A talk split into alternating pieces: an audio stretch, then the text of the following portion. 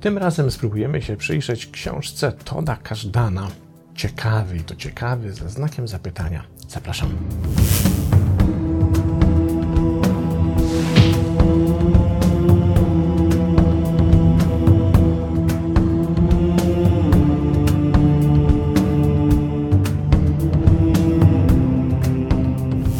Zaczniemy jak zawsze od tego, by zobaczyć, dowiedzieć się, kim jest autor książki.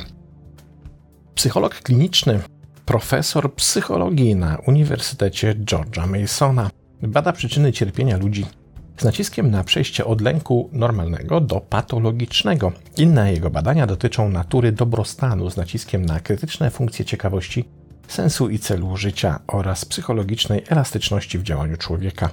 Jest autorem dwóch książek: Druga strona Twojej ciemnej strony oraz Ciekawy, tu znak zapytania, odkryj brakujący składnik pełnego życia, o której właśnie dzisiaj będziemy rozmawiać.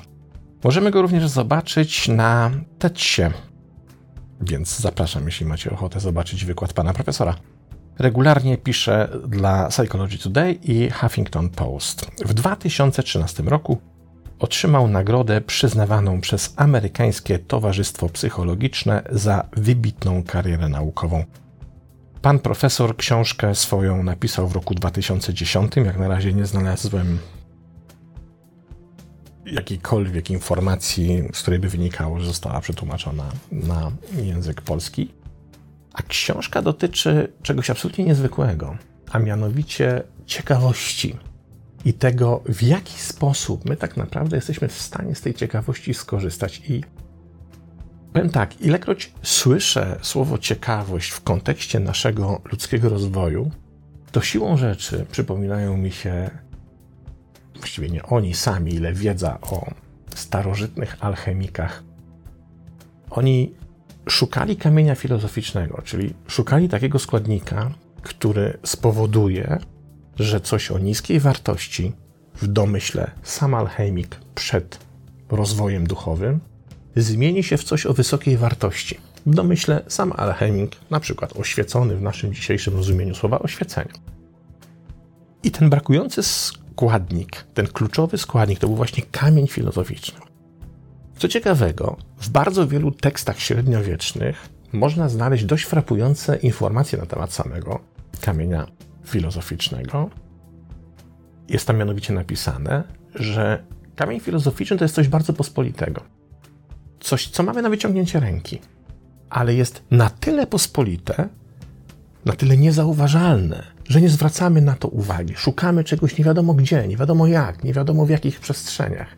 A to, czego tak naprawdę potrzebujemy, by zmienić się z tej niskiej energii wysoką, z tej niskiej wartości wysoką wartość. Mamy na wyciągnięcie ręki, możemy z tego skorzystać. W wielu przekazach średniowiecznej alchemii tym kamieniem filozoficznym był nasz własny oddech, a raczej sposób, w jaki możemy z tego oddechu skorzystać. Mi od razu się nasuwa skojarzenie z ciekawością.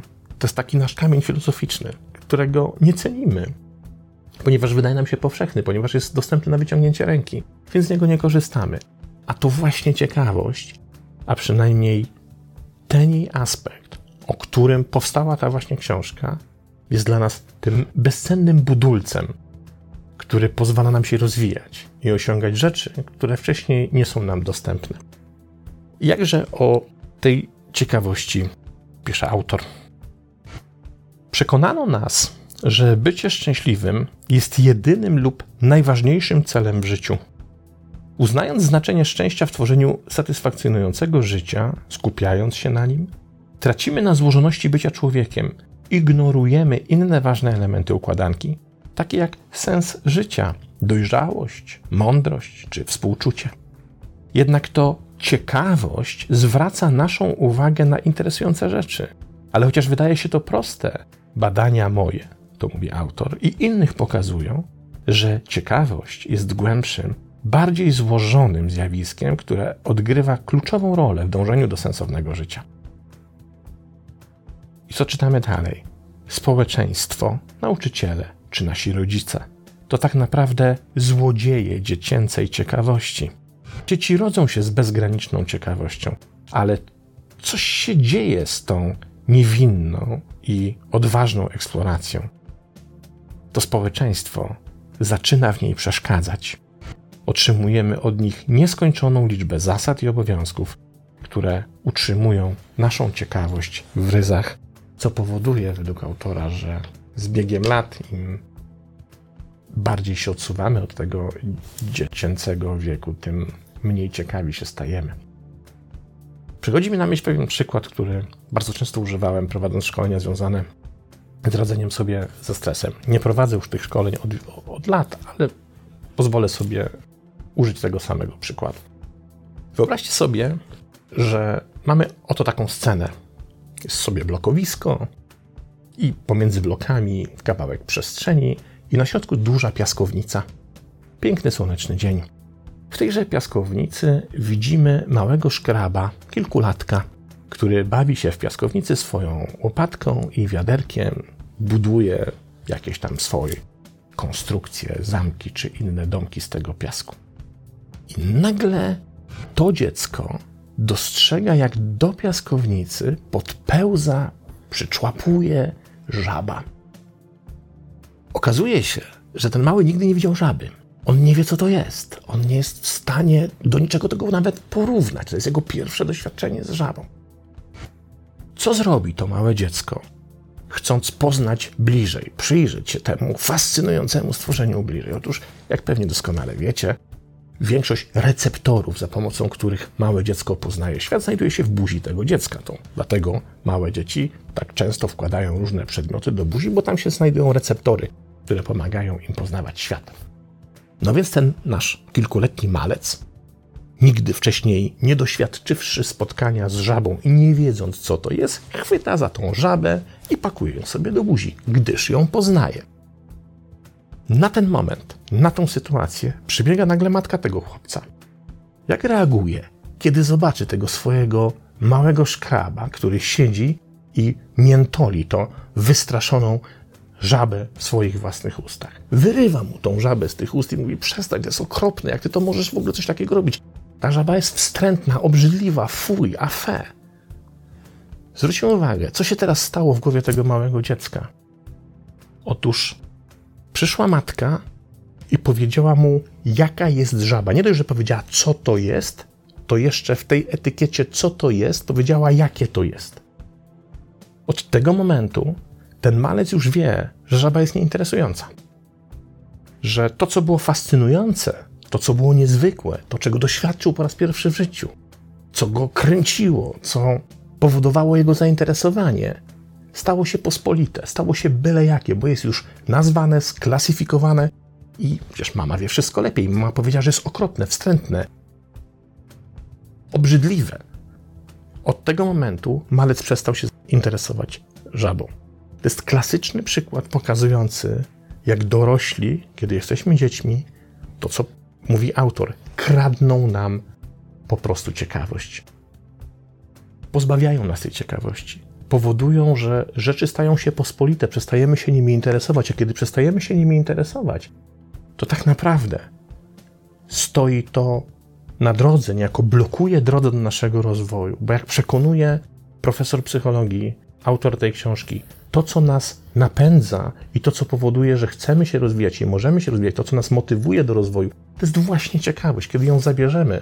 Tak jak matka zabrała tę ciekawość swojemu kilkuletniemu szkrabowi, to tak naprawdę stoimy w obliczu utrudnionego rozwoju, bo wraz z ciekawością zabiera się nam motywację. Co pisze dalej autor?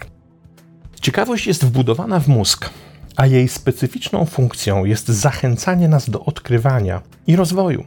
Jest to silnik naszej ewoluującej jaźni. Bez ciekawości nie jesteśmy w stanie utrzymać naszej uwagi. Unikamy ryzyka, przerywamy trudne zadania, narażamy nasz rozwój intelektualny na fiasko, nie osiągamy kompetencji i mocnych stron, ograniczamy naszą zdolność do nawiązywania relacji z innymi ludźmi, ale przede wszystkim zaczynamy doświadczać stagnacji, Autor pisze dalej: Ciekawość jest motorem wzrostu. Jeśli jesteśmy świadomi naszej ciekawej natury i otwarci na nią, możemy uchwycić szczęście. Pies tutaj się dobija, bardzo chce być wzięty teraz na kolana. Wziąć cię teraz na kolana? Tak? No to chodź. Chodź, no chodź, chodź, chodź, chodź, chodź, chodź, chodź. Muszę was przeprosić na chwilkę. Bierzemy psa na kolana. Dobra. No i teraz już czytamy z psem. Gdzie byliśmy? Sofia, pamiętasz, gdzie skończyliśmy? Tu. Ciekawość jest motorem wzrostu. Jeśli jesteśmy świadomi naszej ciekawej natury i otwarci na nią, możemy uchwycić szczęście. Jednak ciekawość to nie tylko łatwe i spontaniczne doświadczenie, to intensywna motywacja wpleciona w podstawową strukturę naszych osobowości. Ciekawość rodzi też coraz większą ciekawość, ponieważ im więcej wiemy, im więcej znamy szczegółów, tym lepiej zdajemy sobie sprawę z tego, czego możemy się nauczyć. Bo kiedy przyjmujemy nieznane, nasza perspektywa zmienia się i zaczynamy dostrzegać luki dosłowne i przenośne, których wcześniej po prostu nie było widać. A zatem ciekawość to jest rzecz, która pozwala nasze życie wprowadzić na zupełnie nowy poziom, doświadczać nowej jakości naszego życia. Dzięki ciekawości dostrzegamy na przykład brakujące elementy układanki. Wtedy sobie zadajemy pytanie, czym ten element powinienem, powinnam uzupełnić, czego jeszcze nie wiem, co powinienem się dowiedzieć, czego mi brakuje, dlaczego nie osiągam tego, co chcę osiągnąć, jak mam rozwiązać problem, jak mam rozwiązać konflikt, w jaki sposób mam sobie poradzić z bardzo wieloma rzeczami. Za pomocą ciekawości możemy się automotywować do prawdziwego, takiego rzeczowego i rzeczywistego właściwie rozwoju. I zobaczmy, jaką siłę ma ciekawość. Oczywiście w książce autor powołuje się na bardzo wiele badań. Tutaj pozwolę sobie przytoczyć tylko jedno z nich. Piszą tak: Psycholog Timothy Wilson odkrył, że kiedy nie oczekujemy i nie potrafimy wyjaśnić powodu czyjejś dobroci, tajemnica pogłębia naszą przyjemność i zmienia sposób, w jaki postrzegamy świat. Te momenty zaskoczenia stwarzają okazję do nadawania znaczenia. Zespół badawczy Wilsona przechadzał się po kampusie uniwersyteckim, rozdając studentom karty z przyklejonym srebrnym dolarem. Wszystkie karty zostały podpisane przez The Smile Society, ale na niektórych kartach były szczegółowe informacje o tym, czym zajmuje się to stowarzyszenie, a na innych nie. Studenci, którzy nie dowiedzieli się, dlaczego otrzymali darmowego dolara i o co chodzi w tej całej akcji, poczuli się dużo lepiej i te ich lepsze samopoczucie trwało dużo dłużej niż u pozostałych. Jaki wniosek z tych badań? Kiedy jesteśmy czymś zdumieni, kiedy jesteśmy czymś zaskakiwani, kiedy coś jest dla nas niespodzianką i to niespodzianką przyjemną, to w efekcie tej niespodzianki my odczuwamy dużo więcej satysfakcji, dużo więcej szczęścia i trwa ono dłużej. Ciekawość przynosi po prostu radość i tego dowodzą te badania. Ale to nie wszystko. A co powiecie na to, że ciekawość może być fantastycznym narzędziem budowania i utrzymywania długoterminowych, szczęśliwych i spełnionych relacji? Przeczytajmy, co pisze autor o relacjach. Osoby ciekawe wykazują większą tolerancję na niepowodzenie, gdy próbują nowych rzeczy, gdy są niepewni tego, co będzie dalej, lub w obliczu informacji sprzecznych z ich własnymi przekonaniami. Zaciekawieni ludzie czerpią wiele przyjemności i znaczenia z kontaktów towarzyskich, a ich partnerzy społeczni czują się dobrze w ich obecności i chcą przebywać w ich pobliżu. Naukowcy odkryli, że zwykłe wspólne spędzanie czasu nie wystarczy, aby poprawić jakość związku, ale wspólne robienie ekscytujących rzeczy jest cenniejsze niż wspólne robienie rzeczy przyjemnych i relaksujących. Pary wykonujące bardziej ekscytujące czynności doświadczyły większego wzrostu satysfakcji małżeńskiej w ciągu 10 tygodni w porównaniu z parami, które trzymały się swoich zwykłych zajęć.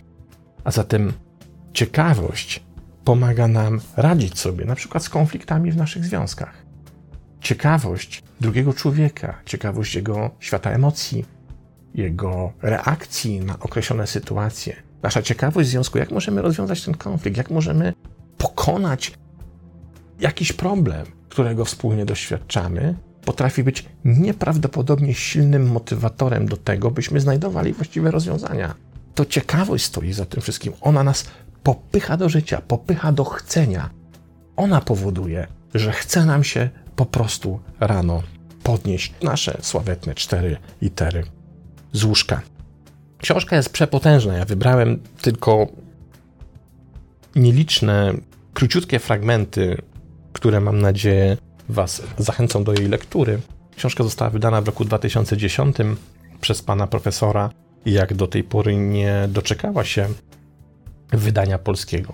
W moim przekonaniu wielka szkoda, bo dotyczy właśnie kamienia filozoficznego, dotyczy tego, co mamy na wyciągnięcie ręki, co jest przy nas, co jest za darmo, co jest bezpłatne, z czego możemy skorzystać w każdej chwili, by uzdrawiać nasze relacje, by się rozwijać, by czynić nasze życie jakościowo lepszym. Przecież to, że Satya wskoczyła tutaj do mnie, to również był motywator ciekawości. Ona tutaj przyszła, bo była ciekawa, co tutaj się dzieje, co my tutaj wyprawiamy. I, I tyle. No i tym razem żegnamy się we dwójkę. Do zobaczenia następnego razu.